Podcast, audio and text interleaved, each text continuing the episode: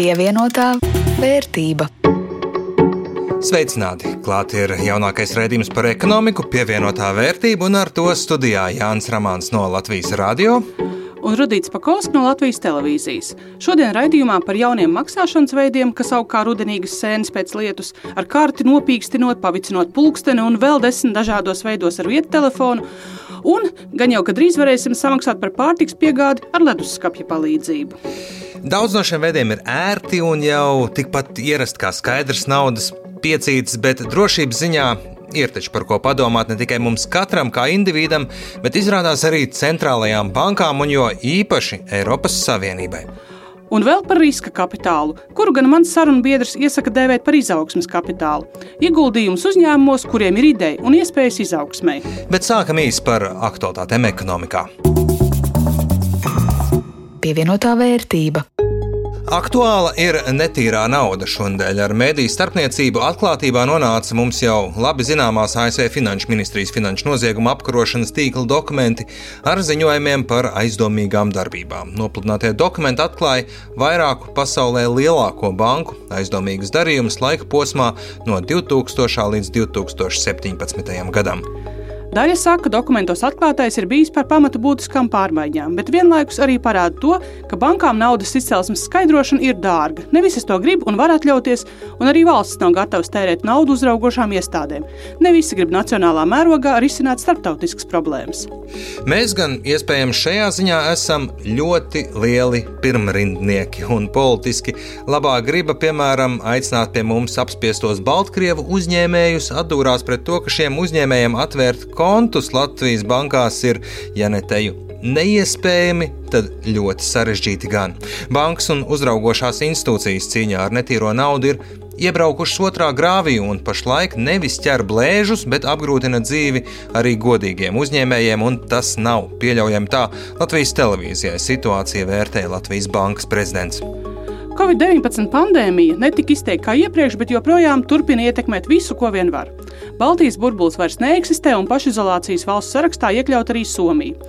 Līdz ar to Igaunijas prāmju operators Tallinn Group nolēma apturēt Rīga-Helsinki maršruta darbību vismaz līdz oktobra beigām.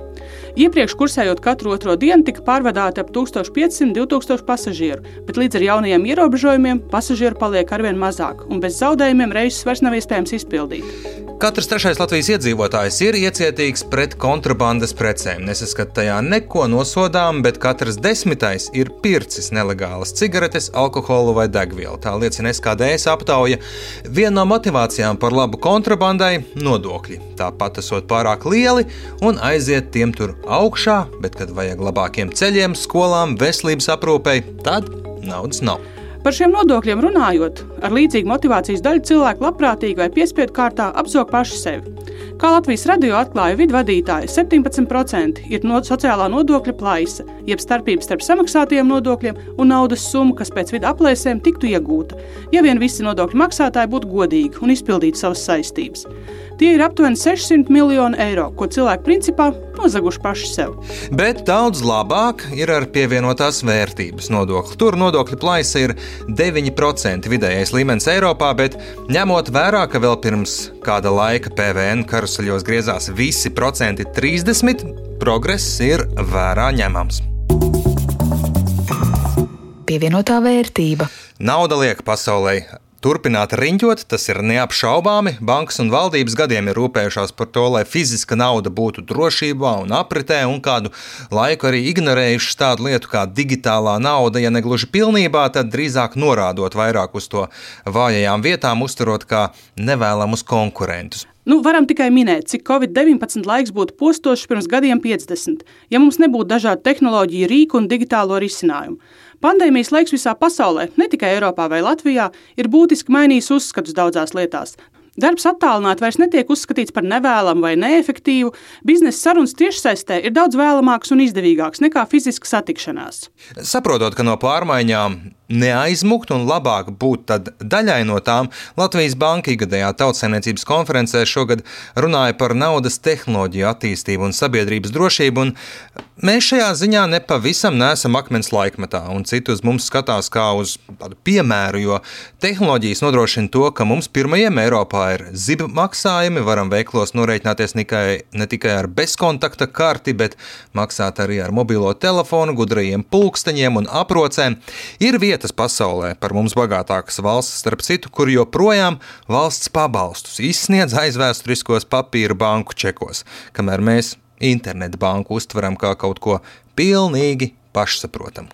Mēs esam visai naski jauno tehnoloģiju lietotāji. Skaidrā naudā pēc Latvijas bankas datiem Latvijā notiek tikai katrs trešais darījums, bet dēļ 70% tiek izmantots kāds bezskaidrs naudas norēķina veids.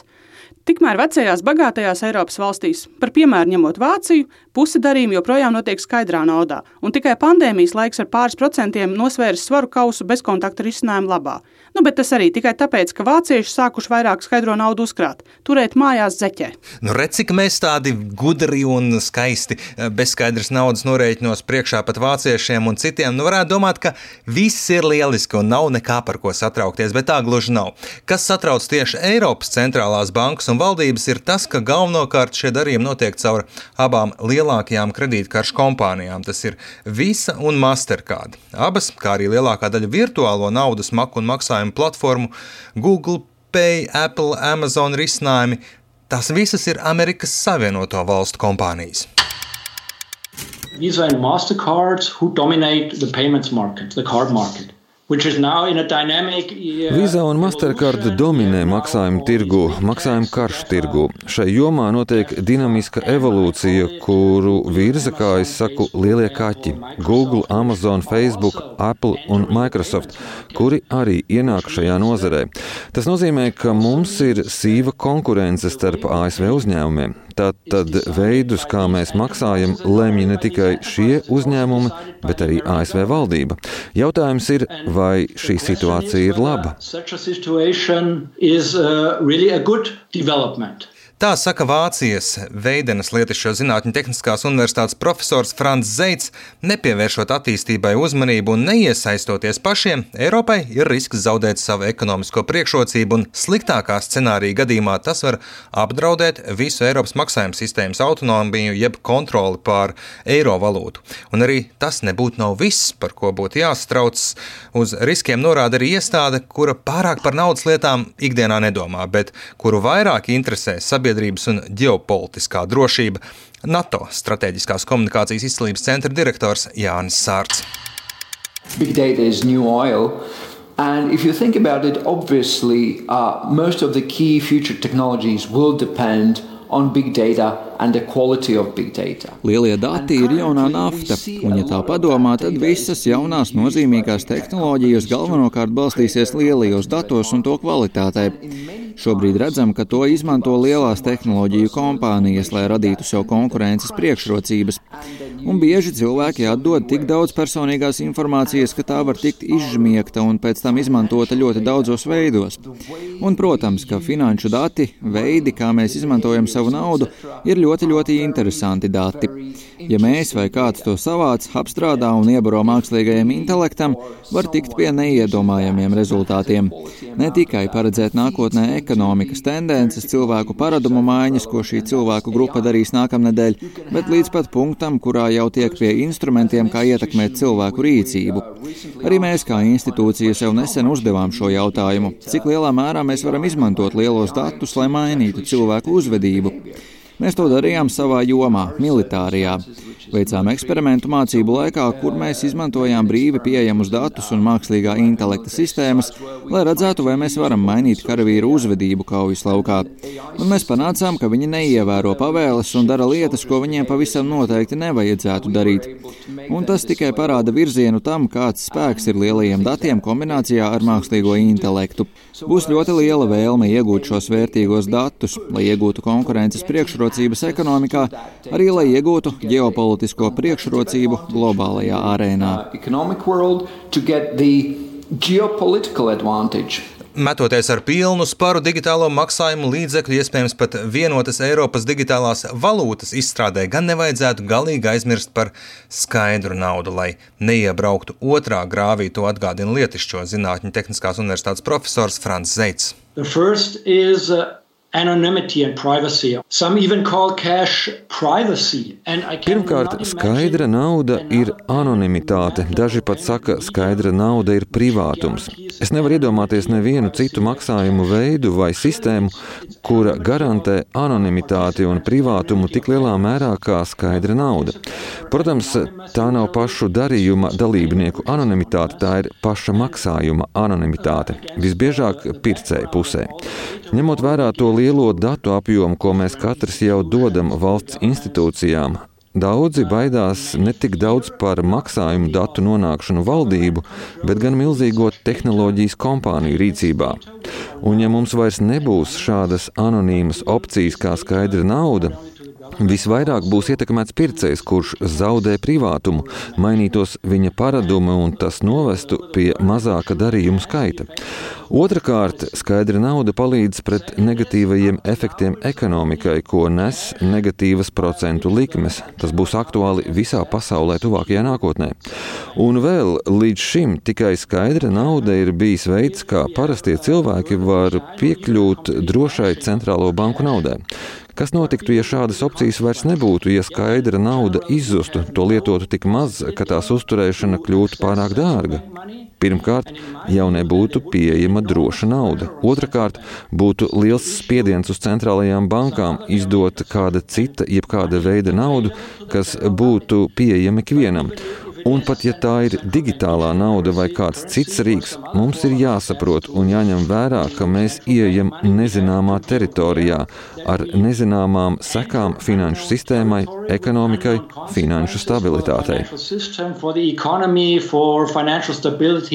So Secinājums ir viens, lai ko teiktu eksperti, cilvēki izmantos to, kas tiem ir ērtāks, iespējams, neaizdomājoties par kādiem globāliem vai dažkārt pat par personīgiem riskiem. Tādēļ Eiropas finanšu iestādēm, politikas veidotājiem, ja tie negrib, lai monetārā politika praktiski ar laiku nonāk citu valstu, piemēram, ASV rokās, ir nepieciešams rīkoties. Bet mums katram kaut nedaudz skaidrs naudas pie rokas, kā rāda pieredze, var izrādīties visai noderīgi brīžos, kad, piemēram, Rīga paliek bez elektrības.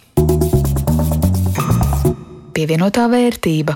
Bet pirms atvadāmies, vēl mazliet par vienu veidu, kā nauda var pelnīt naudu. Tas ir riska kapitāls, vai kā man saka Sandijs Āboliņš Ābols, Riska kapitāla asociācijas valdes loceklis un investīciju kompānijas Baltkapa partneris - attīstības kapitāls. Ideja ir vienkārša. Kādam ir nauda, kādam uzņēmums ar ideju, nu vai reāli tikai ideja. Teorijā naudu iegulda uzņēmumā, tā nopelna, un sava daļa tiek gan uzņēmējam, gan investoram. Bet joprojām Latvijā attīstības kapitāls nav pārāk attīstīts un pārsteidzošā kārtā šoreiz iemesls nav naudas trūkums. Turpina āboliņš ābols. Naudas šobrīd ir ar, ar vien vairāk. Es teiktu, ka nauda nav problēma. Problēma ir ideja trūkums, varbūt arī ambīcija trūkums uzņēmējiem. Kaut kā nu, vismaz Latvijā šķiet, ka pietrūkst vienai daļai noteikti ambīcijas izaugt ārpus Latvijas mērogiem, kļūt par, par līderiem pat Baltijā, pēc tam iet tālāk un iekarot Skandināvijas reģionu, varbūt visu pasauli. Man liekas, ambīcija trūkums ir tas, kas mūs drusku bremzē. Un arī tas, ka investors šajā gadījumā kļūst par uzņēmumu līdzīpašnieku. Pārsvarā gadījumos nauda tiek finansēta uzņēmumos, un, un tā nauda iet uzņēmuma kapitāla veidā. Tas nozīmē to, ka, nu, ja fonds ir kļuvis par uzņēmumu līdzīpašnieku, tad viņš dala risku kopā ar uzņēmumu dibinātājiem un, un pārējiem līdzīpašniekiem, un, un, un, un viņš vienkārši sakot, dalās gan, gan priekos, gan bēdās?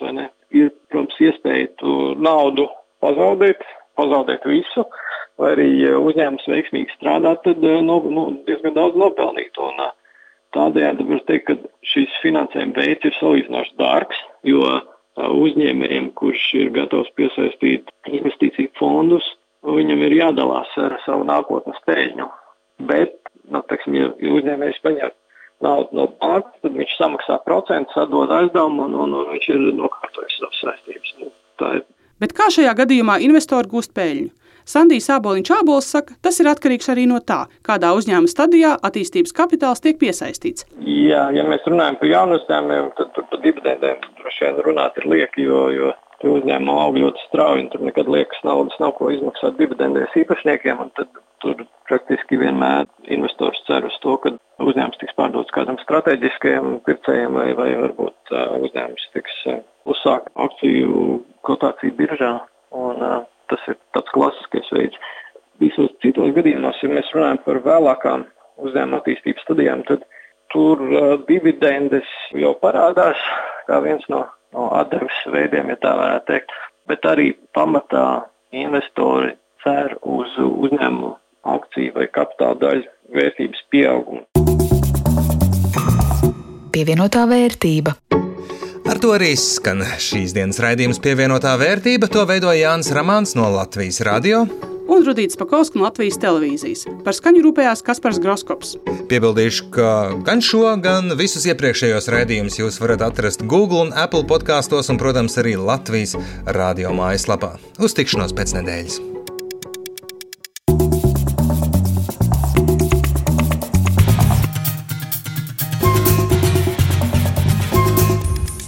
Pievienotā vērtība.